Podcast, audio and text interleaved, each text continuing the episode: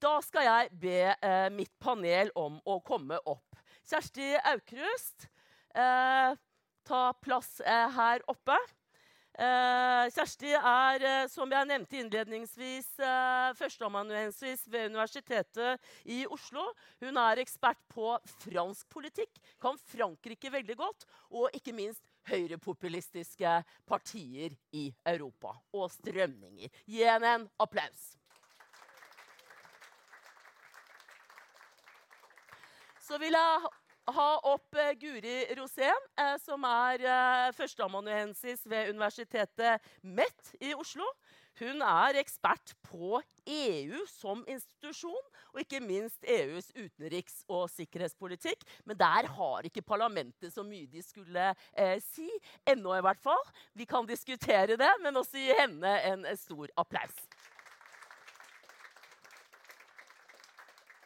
Og Sist, men ikke minst, så har jeg med meg professor Janne Haaland eh, Matlari fra Institutt ved statsvitenskap i Oslo. Eh, Janne kan eh, forsvars- og sikkerhetspolitikk og har fulgt EUs utvikling i mange, eh, mange år. Og er egentlig av den oppfatningen at Europaparlamentet burde legges ned. Så dette skal bli en spennende debatt.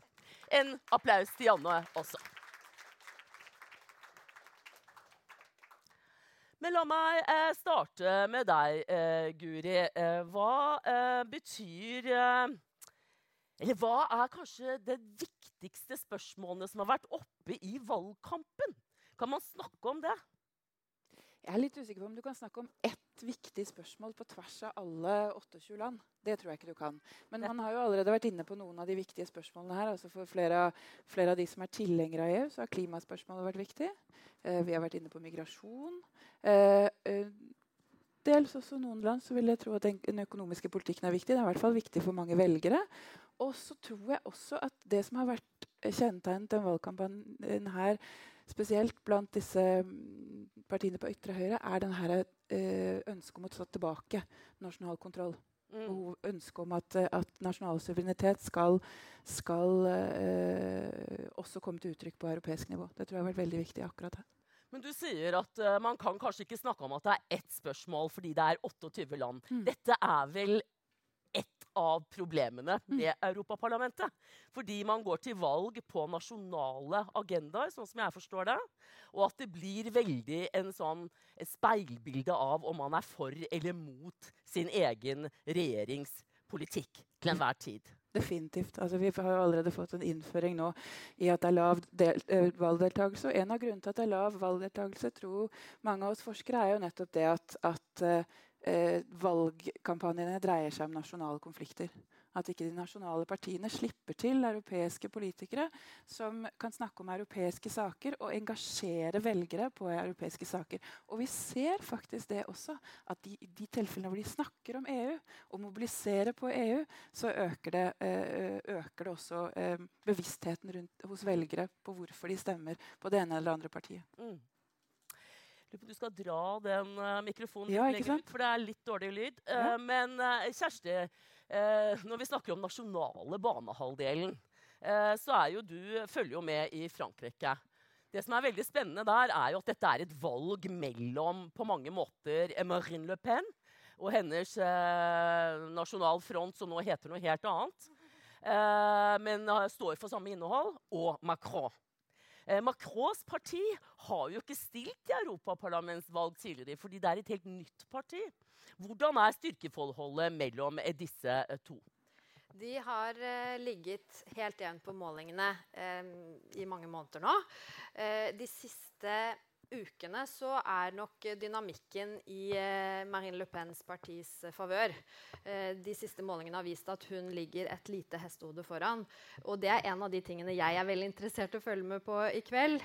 vil hun, altså Rassemblement National ligger foran La République en Marche, det er jo ikke så avgjørende for EU-parlamentet selvfølgelig, om den ene eller den andre får 1 eller 2 mer. Eh, ikke sant? Men det er veldig viktig for eh, Frankrike. Mm. Eh, ikke fordi at det blir noe regjeringskrise nødvendigvis, selv om Marine Le Pen har jo krevd at Macron må gå av, sånn som de Gaulle gjorde etter en folkeavstemning i 1969, eh, hvis, hvis, han skulle tape, eh, hvis han skulle bli nummer to. Det er jo ingenting i grunnloven i Frankrike som uh, tilsier at det er nødvendig, og ingenting som, uh, hos Macron som tilsier at han kommer til å gjøre det heller. Men det er klart at han blir jo ytterligere svekket. Han er svekket fra før pga. Uh, disse gulvestene som har holdt på i et halvt års tid nå. ikke sant? Uh, men, uh, men, jeg tror at, så det er det ene jeg er veldig interessert i å se. Hvem, hvem kommer til å ligge i tet? Eh, og så har vi jo hørt nå at det blir økt valgdeltakelse. Og tallene fra Frankrike er veldig gode, faktisk. det ligger an til at det blir i overkant av 50% valgdeltakelse. Det høres jo veldig lite ut. Men når prognosene bare for noen uker siden viste rundt 40, så er det klart at 50 er mye bedre. Mm. Og da er jeg nysgjerrig på hvordan den økte valgdeltakelsen hvilke utslag det gir da, mm. på resultatene. Fordi vi vet at det er særlig på, på venstresiden at, at, eh, som har hatt den største andelen hjemmesittere, betyr det at de har klart å mobilisere. Uh, og, og, vil f.eks. da det sosialdemokratiske partiet i Frankrike, Le Parti Socialiste, mm. klare da å unngå skrekkscenario, nemlig å falle under sperregrensen på 5 mm. Det hadde jo vært helt krise for, for det partiet. Men vi så under valget i Tyskland i 2017 eh, så var det faktisk høyresiden, altså Alternativ for Deutschland, eh, dette nye partiet, eh, som klarte å mobilisere den store sofaen. Som fikk sitt, velgerne som ikke tidligere hadde stemt, til å gå til valg. Mm. Er dette helt annerledes i Frankrike? Og er, hvordan er det i andre europeiske land? For vi snakker om dette alleuropeiske valget. Mm.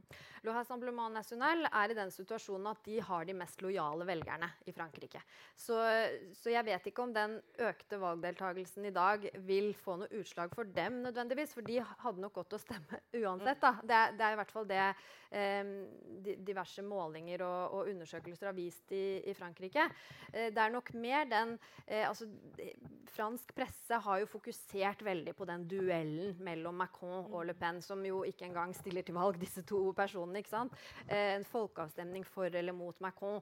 Eh, og det er jo noe som, som, har opprørt mange, fordi da glemmer man jo alle de andre partiene. Det handler ikke bare om disse to. Det er et stort mm. eh, altså Det er 34 lister i Frankrike som stiller til valg. Så det er et, et valg der. ikke sant? Og, og valgsystemet til valg til EU-parlamentet er jo helt annerledes enn andre valg i eh, i, i Frankrike. Så det er, det er, bare én valgomgang, for det første. Og så mm. er det sånn, slik at det er eh, forholdstallsvalg og ikke flertallsvalg. Sånn mm. at det, du har en reell sjanse til å bli representert, det partiet du eh, er enig i har en mye større sjanse til å bli representert enn ved f.eks. Eh, valg til nasjonalforsamling i Frankrike, for eksempel, der Rassemblement National har veldig få mm. eh, representanter. Mm.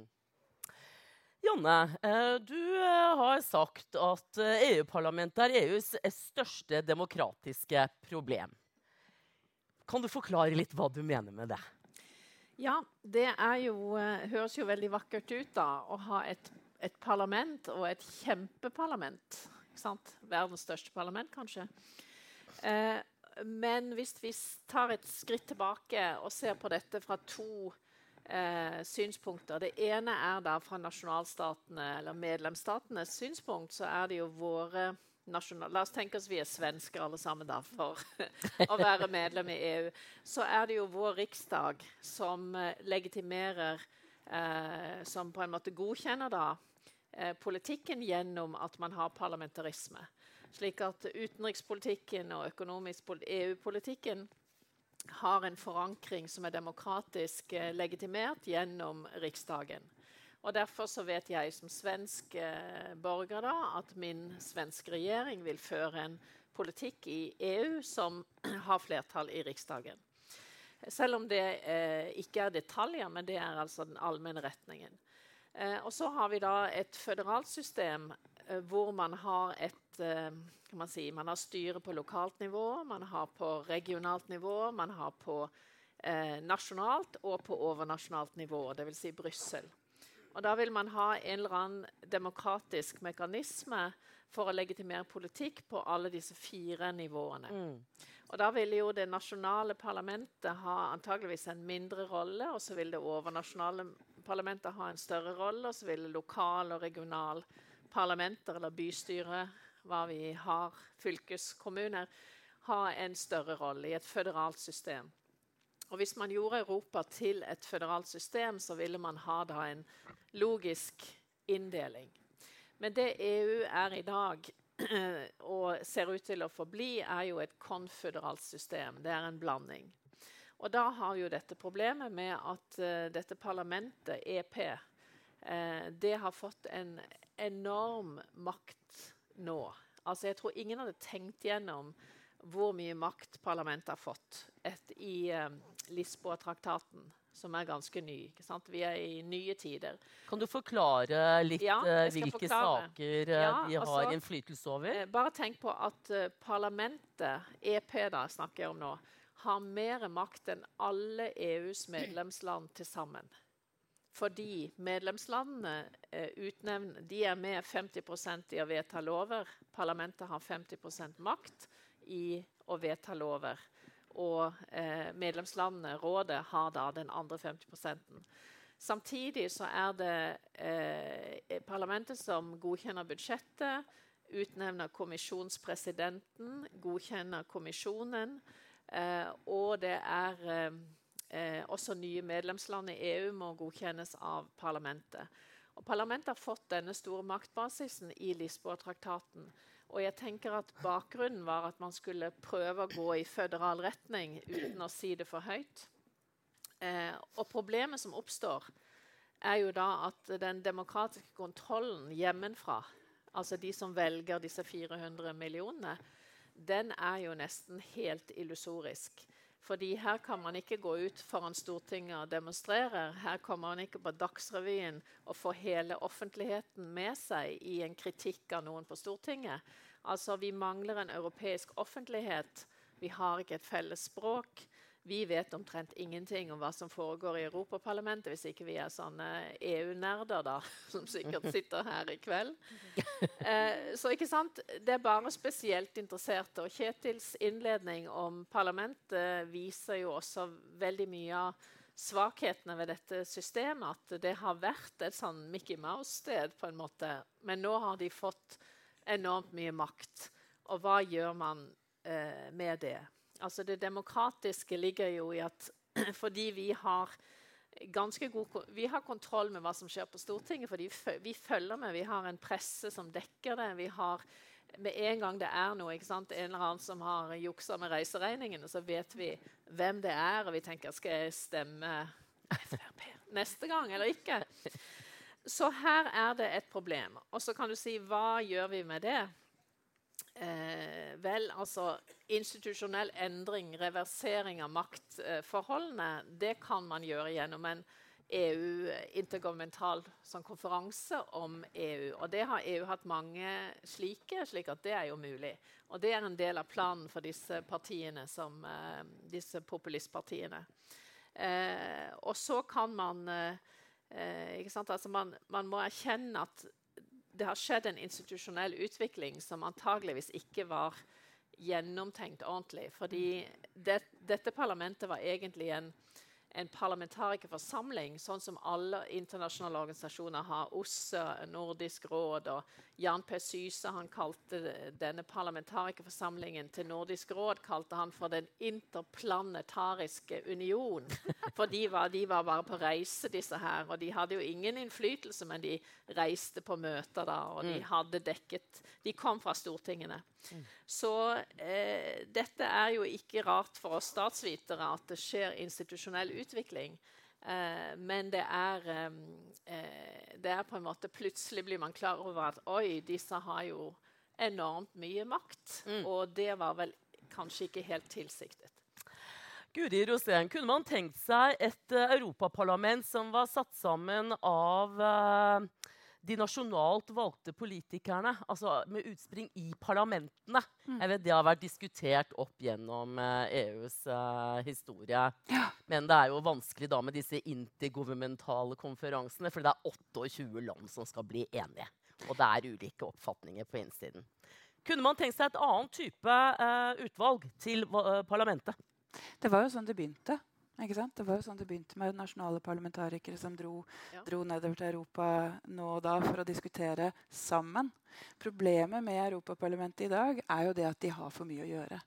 Altså Kapasiteten mm. til de nasjonale parlamentarikerne er ikke til stede til å kunne dra regelmessig nok til Europa.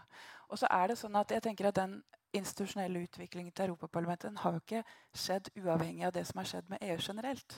Sånn at det Sammenlignet med OSSE og sammenlignet med Nordisk råd så er jo EU en helt annen type internasjonal organisasjon. I den grad den er en internasjonal organisasjon. uten at vi trenger å gå inn på det. Men, men utgangspunktet for at Europaparlamentet har fått mer makt, og særlig da Lisboa-traktaten, er jo det at rådet, der medlemsstatene sitter i EU, kan fatte beslutninger ved kvalifisert flertall. Og det vil jo si at Er man fra Sverige, da, som vi er nå, så kan man bli nedstemt i rådet. Og Da er det også et ønske om å ha en direkte valgt demokratisk institusjon som en motvekt til dette. Sånn at mm. parlamentarikere, velgere, kan være direkte representert på europeisk nivå der beslutningene faktisk fattes. Uansett om man hadde hatt eh, nasjonale parlamentarikere, så hadde jo de kun hatt, altså de har kun kontroll over sine egne regjeringer. Så, kan, så, er det mange svakheter med Europaparlamentet. Helt enig i det. Men de sitter nå faktisk samlet med kontroll over hele, uh, hele EU-institusjoner som sådan. Enten det er rådet eller kommisjonen. Mm. Um, Janne var inne på at uh, de velger uh, De har stor makt. De velger også kommisjonspresidenten egentlig er jo ikke det fundert i EUs lovverk at de skal gjøre det, denne såkalte Spitzenkandidaten. Det er jo en makt som Europaparlamentet har tilranet seg selv. Og det er bare fulgt én gang i 2014, når Juncker ble utnevnt. Og kanskje fordi ingen toppolitikere i de store landene hadde noe imot at han ble valgt. Så det er ikke noe fundament for dette. Tror du at de kommer til å følge det nå? Med vi så sjarmtrollet Weber her. Jeg vet ikke hvordan han klarer seg i handelsavtale med Donald Trump. Ja. Nei, nå er det ikke han som forhandler med Donald Trump. Da. Er, ja. Men, eh, men, eh, men eh, ja. jo, Juncker var jo tross alt i Washington og forhandlet. Ja da, men det er ikke han som forhandler ja, nei, Vi trenger ikke å gå inn på det. Unnskyld. Nei, men jeg tror det kommer an på uh, hvem, hvem kandidaten blir. Mm. tror det kommer til dels an på valgresultatet, men så kommer det an på Frankrike og Tyskland. Mm. Om de blir enige om hvem som skal bli eh, leder for sentralbanken, og hvem som skal bli leder for kommisjonen. Mm. Så det er fordeling av de ulike plassene. Ja, Barnier, Barnier, Michel Barnier er vel en ønskekandidat fra Macrons side. Ja. ja. og jeg tenker da er den tyske eh, Weidmann heter han vel, for sentralbanken. Altså, det vil jo være sånn en hvis de kan uh, få en, uh, et flertall av disse to uh, sammen. Så, men jeg tenker at dette valget det handler om det. Det handler om kommisjonspresident og hva, hva man kan gjøre på innsiden da, i parlamentet. For disse protestpartiene spesielt. da. De har hevet seg innpå for å få inn sine folk fordi de vil påvirke EU. Men det jo, dette er jo også, som du snakket om, en, en gigantisk egentlig, egentlig test av det nasjonale politiske systemet. Hvem har oppslutning PT? Så det er jo det som gjør dette mm, veldig problematisk også. At det, det er en eh, det, er et, et, det er et valg som ikke er et nasjonalt valg, men som likevel er et nasjonalt valg. Eh, og det, jeg ser jo eh, Mannen min er ungarsk, så han var og stemte i dag. Så jeg var med på ambassaden og tenkte mm. det er vel omtrent no, de eneste som stemmer på Eh, og der var det ni partier som eh, ungarerne stiller med. da, Kommunister, eh, sosialister Det var aldri vanlige. Og så var det tre-fire sånne eller et par sånne rare partier. Det ene heter Majar Ketfarko Kutjapart. Det betyr det ungarske hundepartiet for hunder med to haler. og det er altså satirisk. Det er altså politisk satire med storbra. Det er anti-antimigrasjon, og det er anti-anti Det er sånn negasjonen av Fides, da. Men det er jo interessant at Fides stiller ikke i Salvini-gruppen, men med polakkene og østerrikerne osv. holder seg på en måte i grenselandet mot EPP. Ønsker å beholde EPP-plassen eh, og ser det an. ikke sant? Det er ganske smart å se mm. an hva blir resultatet, for å se hvor man skal gå. Mm. Så dette blir jo en interessant på en måte, temperaturmåling på europeisk politikk. Mm. Eh, uansett eh, Altså med også de britiske eh, Farage. Bare for å si det, EPP er jo da de eh, konservative eh, partiene i eh, Europa, eller kristelig konservative gruppen i parlamentet. Og sammen med Sosialdemokratene, som danner en annen stor gruppe, så har de stort sett sittet med flertall i EU-parlamentet de siste 40 årene. Så det knytter seg jo stor eh, spenning til om de klarer å opprettholde altså de to hovedblokkene av eh, seriøse partier, om de klarer å opprettholde sitt flertall, eller eh, om de vil bli forbigått kanskje av miljøpartier og liberale, som utgjør gruppen ALDE, eh, som man kaller det. Og veldig mye knytter seg jo spenning til Macron. For Macron har jo ikke valgt noen av disse gruppene. Eh, kunne vært naturlig å tenke seg han i en av de to store, eh, men han har ennå ikke signalisert hvor hans eh, velgere skal inn. Nei, altså Macron gikk jo til valg på å være verken til høyre eller til venstre. Så hvis han skal holde på den linjen der, så kan han jo ikke si jeg kommer til å sitte sammen med EPP eller jeg kommer til å sitte sammen med Sosialdemokratene, for da tar han jo stilling. Da blir han jo enten høyre eller venstre. Så det, det, det fins jo en gruppe som du nevnte, som mange tenker at det er naturlig at han går inn i. Men det han sier selv, eller ikke han, men hans, de som står øverst på, på listen han stiller til valg med, det, det er at de ønsker å danne en ny gruppe. Eh, det ser jeg på som lite sannsynlig, men det er i hvert fall det mantraet de til stadighet gjentar, at det skal bli en ny, sentral gruppe, og det skal bli umulig å få flertall uten støtte fra den gruppen. Det er slik Macron har jo veldig ja, høye tanker om seg selv, vil mange kanskje si. Og, eh, og, og han, det er jo klart at nå, med en svekket Merkel, så har jo Macron tredd fram som Europas leder på mange måter. Mm. Sånn at sånn sett så vil jo også eh, valgresultatet i Frankrike få en viss påvirkning på hans rolle i Europa. For det er klart at Hvis han blir nummer to og ikke nummer én, eh, så vil også hans posisjon som internasjonal leder også svekkes, mm. eh, vil jeg tro. Og jeg, jeg, jeg, stiller meg litt tvilende til hvor sentral posisjon hans parti vil få i det nye Europaparlamentet. Um, de, jeg er helt sikker på at eh, både EPP og Sosialdemokratene kommer fortsatt til å ha større grupper. og De mister nok flertallet, men, eh, men, men hvor sentral de nye sentrumspolitikerne blir, det, det, det er jeg usikker på. Mm. Når det gjelder De grønne i Frankrike, så er jo de mye mindre enn eh, en i Tyskland f.eks. Eh, og de ligger an til rundt sånn 8-9 eh, Eh, og så har du høyresiden, som jo ble sterkt svekket ved valget i 2017 også pga. noen skandaler som sikkert eh, mange husker. Og de, de, har ikke klart å gjenreise seg. De har ikke klart å finne sin plass i det nye politiske landskapet etter jordskjelvet i 2017. Så det, mm. de eh, kan, kan, ende opp med sånn 13-14% som er også historisk svakt for, eh, for høyresiden. For øvrig som, som, ønsker at Orban skal bli sittende eh, i EPP. da. Som han er suspendert fra? Ja, som han er suspendert fra. Mm. Eh, vi må jo snakke om eh, sjarmtrollene på ytre høyreside, som Kjetil eh, var eh, inne på. Salvini-gruppen, men de er delt opp i flere grupper. Det har vært fire vel, grupper eller tre, tre. i eh, dagens eh, parlament. hvor du har høyreradikale partier. Og de er jo ikke kjennetegnet av at de er flinke til å samarbeide. Mm -hmm. Eh, hvordan eh, tror du dette kan gå nå, eh, Guri? Det det har vært mye snakk om, det er tre grupper det tradisjonelt har vært. Det har vært en European Conservative Reform Group med de konservative fra England og med denne Law and Justice fra Polen. Det er også litt knyttet spenning til hvor stor de vil bli i og med at, at mm. Storbritannia er på vei ut. Men så har det vært denne, denne gruppen som Salvini nå skal ta tak i og, og og, og, gi større, større, kraft. Og så har det vært én gruppe bestående av eh, Farage sin, eh, sitt parti og denne femstjerners eh, fra Italia. Og Det er jo spennende akkurat med den gruppen, for det illustrerer litt av problemet her de er jo utelukkende med en sånn gruppe av taktiske årsaker.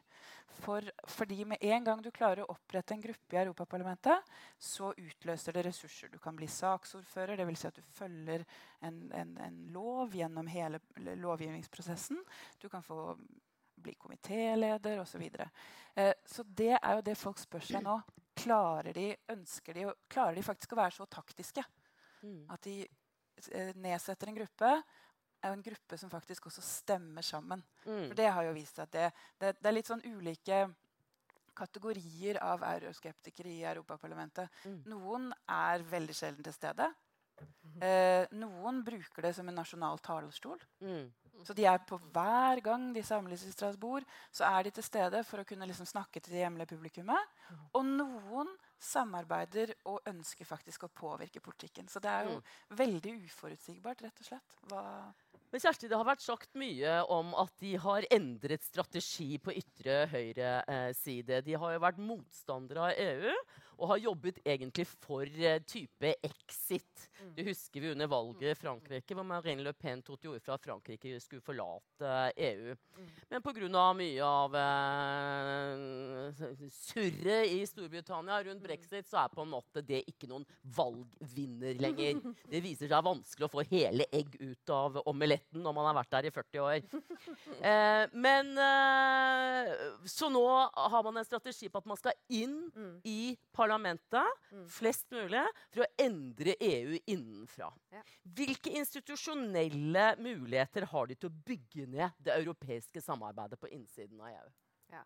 For det første så er det i Frankrike, For Frankrike sin del så begynte nok den, det skiftet i strategi det begynte nok uh, selv før brexit-kaoset tok av for fullt. fordi at det viste seg jo i 2017 at eh, Marine Le Pen i stor grad tapte presidentvalget fordi hun ikke klarte å overbevise velgerne om at det var mulig for Frankrike å trekke seg ut av euro, eurosonen. til og med. Altså de, de forsto rett og slett ikke eh, hvordan det eh, kom til å fungere i praksis. Så det er jo en, en, taktisk vurdering at hun har ikke med seg eh, den franske befolkningen verken på å gå ut av eurosonen eller, eh, eller, av EU generelt. Eh, og så er det i tillegg det, det argumentet de bruker at nå, nå, er det ikke noe, noe vits i å gå ut av EU. For nå, nå, er vi flere som vil endre EU. nå er vi, ikke sant? Sånn at nå, nå eh, hun, Det er jo mange valgplakater i Frankrike der Le Pen står ved siden av Salvini. Og så står det under Overalt i Europa kommer våre ideer til makten. Mm. Sånn at nå er det, et, et reelt, det er, et annet, det er en annen internasjonal kontekst i Europa som gjør at de faktisk kan, hvis de blir store nok, endre eh, EU innenfra. Mm. Men foreløpig ligger det jo ikke an til at de blir store nok. For de vil jo ikke kunne ha noen sjanse til å få noe flertall eh, for den eh, politikken de ønsker å føre. Men det er klart at de vil jo ha mulighet, hvis de blir store nok, hvis de klarer mot formodning å samles i én større gruppe, så vil de ha mulighet til å blokkere ganske mye. altså, eh, det vil, og det ser vi jo, det har jo de holdt på med en god stund nå. De, fransk presse har jo eh, ettergått det eh, Nasjonal Fronts eh, representanter har stemt Eh, i den forrige perioden. Og det er jo nei, nei, nei, nei, nei og nei og nei. og nei. Altså det, er, det er en sånn tydelig opposisjon til alt. Mm. eh, og, og, det er klart at jo flere som er i den uh, tydelige opposisjonsrollen, jo, jo, vanskeligere blir det å få eh, ja, jobbet videre eh, mm. i, med den uh, politikken som mm. EU ønsker å, ja, flertallet ønsker å føre. Da. Så det vil klart være en uh, bremsekloss. Du skal få lov å kommentere på det, Janne, men jeg vil også spørre deg hvilken av EU-institusjonene er mest eller minst motstandsdyktig mot ytterliggående politiske strømninger? Vi har jo Kommisjonen, vi har Rådet, hvor nasjonalstatene sitter, og parlamentet. Hvem er på en måte mest utsatt? For denne type strømninger. Og så må du gjerne plukke opp noen av de tingene som ble sagt. Ja, nei, jeg tenker at det eh, EU, Hvor EU har tenkt seg videre, er det jo ingen som vet. Det er, jo, det er jo, ingen, ingen som vil ha en føderasjon. Eh, kanskje Tyskland, men jeg tror neppe det. ikke sant? Det er ingen som vil ha en føderalstat. Eh, og så ønsker man ikke å reversere alt tilbake til en vanlig internasjonal organisasjon, en intergovernmental modell. Det er også utenkelig, for du har majoritetsprosedyren, og du har, som du nevnte, og du har eh, domstolen, og kommisjonen er jo en unik, eh, altså unik på en måte at det fins ikke eh, den type organisasjon andre steder. Eh, men likevel er det jo eh, store spenninger her som så, altså det, det, er veldig mye som bør diskuteres i en type institusjonell arkitektur. Ny type debatt. Og jeg tenker at disse, eh, disse partiene på ytre høyre de, de, er liksom ikke mer over nasjonalitet. Elitene, det er det klassiske elite, folk versus elite de har ingen klare ideer om institusjonelle endringer. Ingen, det, er, det er protestpartier i veldig stor grad. Så det er, ing, det er ingenting å hente ut av å si hva konkret vil du endre på. Samtidig så er det jo veldig sterke altså Migrasjonskrisen førte til en veldig protest eh, mot på en måte at EU skal ha en overnasjonal eh, migrasjonspolitikk. Eh, og den økonomiske politikken er jo det å Jo mindre økonomisk vekst, desto mer misnøye. Så det er jo de samme på en måte trender vi ser også de som stemte inn Trump, er jo også Eh, de som er misfornøyd med, eh, med, både migrasjon, økonomi og sin relative maktposisjon i samfunnet. Mm. Og Hvis du ser på disse landene som i Europa da, som eh, nå er på en måte misfornøyd med status quo, så er det jo britene som har valgt å gå ut da, om det skjer, det vet vi jo ennå ikke. Men altså, her er det jo eh, et eksempel som ingen vil etterfølge. Så det er ingen av de andre landene som vil ut. Det nevnte vi allerede.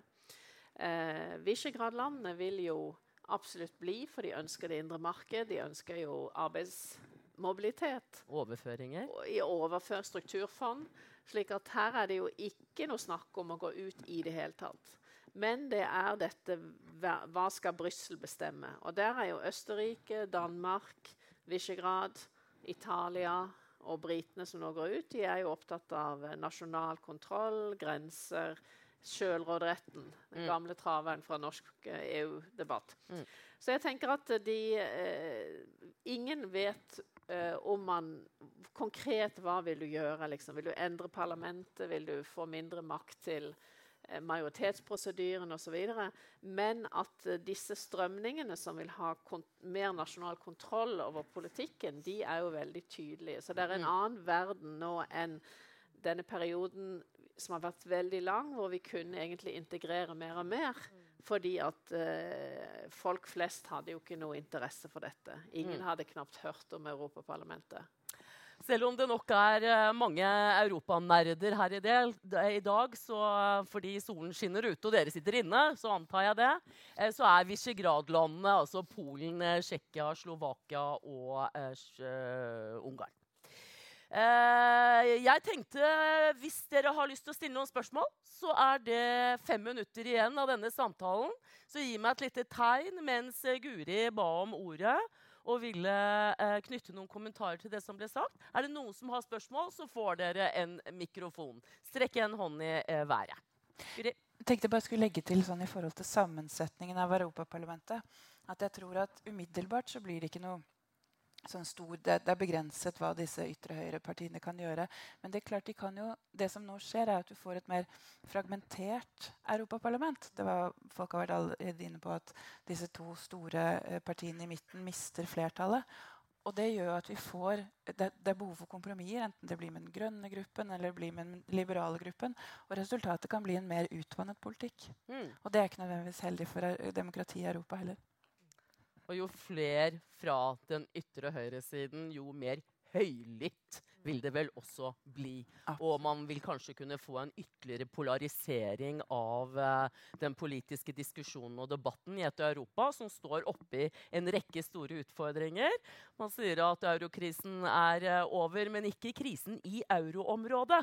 Det skal vi snakke om i neste panel. Vi har også kanskje nye migrasjonsutfordringer uh, um, på sikt. Det er jo ikke sånn at det blir færre flyktninger i verden. Det øker med store konflikter. Uh, og vi må ha et dedikert tysk-fransk samarbeid. Skal EU drives videre? Denne motoren som har drevet EU gjennom etterkrigsperioden. Dette skal vi også snakke om i neste panel. Dessverre så måtte Øyvind Brottberg, som jo er Norges, en av Norges beste Storbritannia-eksperter, melde avbud. Så han blir ikke med i den diskusjonen. Så derfor må jeg slutte denne runden med å stille dere tre spørsmål om hvor stort blir eh, Nigel Farages eh, nye brexit-parti? Og hvordan kan de gjøre britisk politikk enda verre enn den den er? Janne? Ja, altså Han har jo gått i hi litt pga. milkshakes, da. Uh, fordi nå kaster alle milkshakes. Så nå er det forbudt å lage milkshakes i områdene hvor han driver kampanje. Faktisk, ja. Eh, men dette er jo innenriks britisk politikk i så stor grad. For her er det jo liksom up your stories. For her, uh, her er hans nye baby, som heter brexit, er da plutselig størst i meningsmålingene denne, for, for, dagens valg. Eh, så dette er jo eh, eh, Spørsmålet er jo egentlig vil Tory-partiet overleve med dette problemet, avskalling til et annet parti, eh, selv om Boris Johnson da kanskje kommer i posisjon i Tory-partiet. Eh, så hvis jeg skal si noe britiske, vil jeg si at eh, Boris blir Uh, jeg tipper han blir ny statsminister fordi man frykter da avskalling til Farage hvis det blir en mer moderat. Sant? Så du har Boris inne, og han er folkets favoritt. Han er jo veldig morsom. Han er jo veldig klovnaktig, populistisk. Eh, elegant også i språkformen, da. Men eh, han inne, så vil jeg tenke at EU sier selvfølgelig nei til en ny, ny forhandling men vil kan, altså, kanskje tenke en gang til. Uh, fordi I forhandlingsteori så sier vi jo hva er det hva er det du skal tenke på når du forhandler. Det er ikke egentlig bare forhandlingen, men det er alternativet for deg mm. hvis du ikke får en forhandlet løsning. Det heter BATNA. Best alternative to negotiated agreement. Og det er jo crashing out under Boris. da. Mm. Og hvis EU tenker nei, det vil vi ikke ha, vi finner vi, finner, eh, vi forhandler litt mer. Det er en, kanskje mer en mulighet nå enn under meg. Fordi Boris truer jo med 'crashing out' på ordentlig. Fordi han synes det er greit nok. Brexit. Så det får vi jo følge med og se. Vi får det, altså Britene går ut, og det blir kanskje 'crashing out'. Og da blir det noe, noe ordning på det også til slutt. Mm. Eh, Farage får da kanskje ikke så mye støtte. Uh, Guri, uh, Farage, uh, da med partiet UKIP, fikk jo 26,6% under forrige europaparlamentsvalg. Og han har sittet i dette parlamentet, som han jo vil ut av. Og så har han dannet et nytt parti. Og bare i løpet av noen få uker har han altså, som målingene viser, omtrent 30% oppslutning. Han kan bli det største partiet i Storbritannia igjen. For det ble han da i 2014. Hva betyr dette? Ikke bare for britisk politikk, men hva betyr det for EU-parlamentet? Og hva betyr det at hvis Boris krasjer Storbritannia ut med hard brexit, som Janne sier, så er det altså 705 parlamentarikere bare. Tar med, de tar jo med seg en rekke parlamentarikere. Hvordan påvirker det maktforholdet i det nye Europaparlamentet? Det vil jo gjøre den sosialdemokratiske gruppen veldig mye mindre. Ja. Mm. Så det er det ene. Og så er det den konservative, disse soft, mer sånn soft uh, euroskeptikerne vil også bli mindre. Så er det jo spørsmålet hva den polske altså hva Law and Justice gjør da, når de ikke har noen, noen konservative partnere lenger. Uh, men, men, når det gjelder Storbritannia så er jo det her først og fremst igjen en sånn form for folkeavstemning over brexit. Det, det, er jo det han prøver å få til, og det er det Change UK, som står på den andre siden av skyttergraven, eller den andre skyttergraven prøver å få til. Eh, så det vi, det vi jo ennå ikke vet, er hvorvidt de faktisk kommer til å komme til Brussel i det hele tatt. For de kan jo være ute før de rekker å komme så langt. Det blir stort. Ja, lønn, da. ja. Motivasjon nok til. Jeg så faktisk at uh, det er ingen som vil bli leder for, det, for Europa, rå, eller for rådet i EU uh, og overta etter Donald Tusk, men han har også 30 000 euro i måneden. Så jeg kan stille meg helt greit. Si litt om hvor anstrengende uh, du også, Storbritannia. Hva betyr dette for både Frankrike og for Europaparlamentet fremover? Nei, for Europaparlamentet så, så, så, gjør det jo at eh, jeg, jeg, trodde nesten ikke mine egne ører da jeg skjønte at ok, Storbritannia skal faktisk være med i dette valget. Og det, det tror jeg det er mange som syns er eh, eh absurd, rett og slett. Og, mm. eh, at, at, da Frankrike for eksempel, da skal eh, velge 79 representanter, men de skal bare sende 74 nå i første omgang. Og så må de vente gudene vet da hvor lenge før disse fem på vent kan komme inn, som de er de plassene de tar over etter, etter britene. Så det blir en veldig sånn limbo-situasjon, og at uh, brexit-kaoset på en måte uh, penetrerer inn i, i EU-parlamentet. da. Men eh, nei, altså det, det, det, Som du var inne på i stad, så har jo hele den brexit-prosessen brexit gjort at man har gått fra en sånn uh, hard til en mer soft EU-skepsis i mange partier. Mm. at det er det der å, å reforandre traktater og forandre, forandre EU innenfra som er strategien, istedenfor en frexit eller en hva det nå skal være, type exit. Da. Så det er jo klart at det har hatt stor påvirkning på EU-politikken til veldig mange europeiske partier. Ok, Tusen eh, hjertelig takk for at dere har prøvd å forklare litt av hvordan dette parlamentet er skrudd sammen, hva det betyr, hvordan velgerne oppfører seg. Og igjen har vist at Europa er ganske mangfoldig.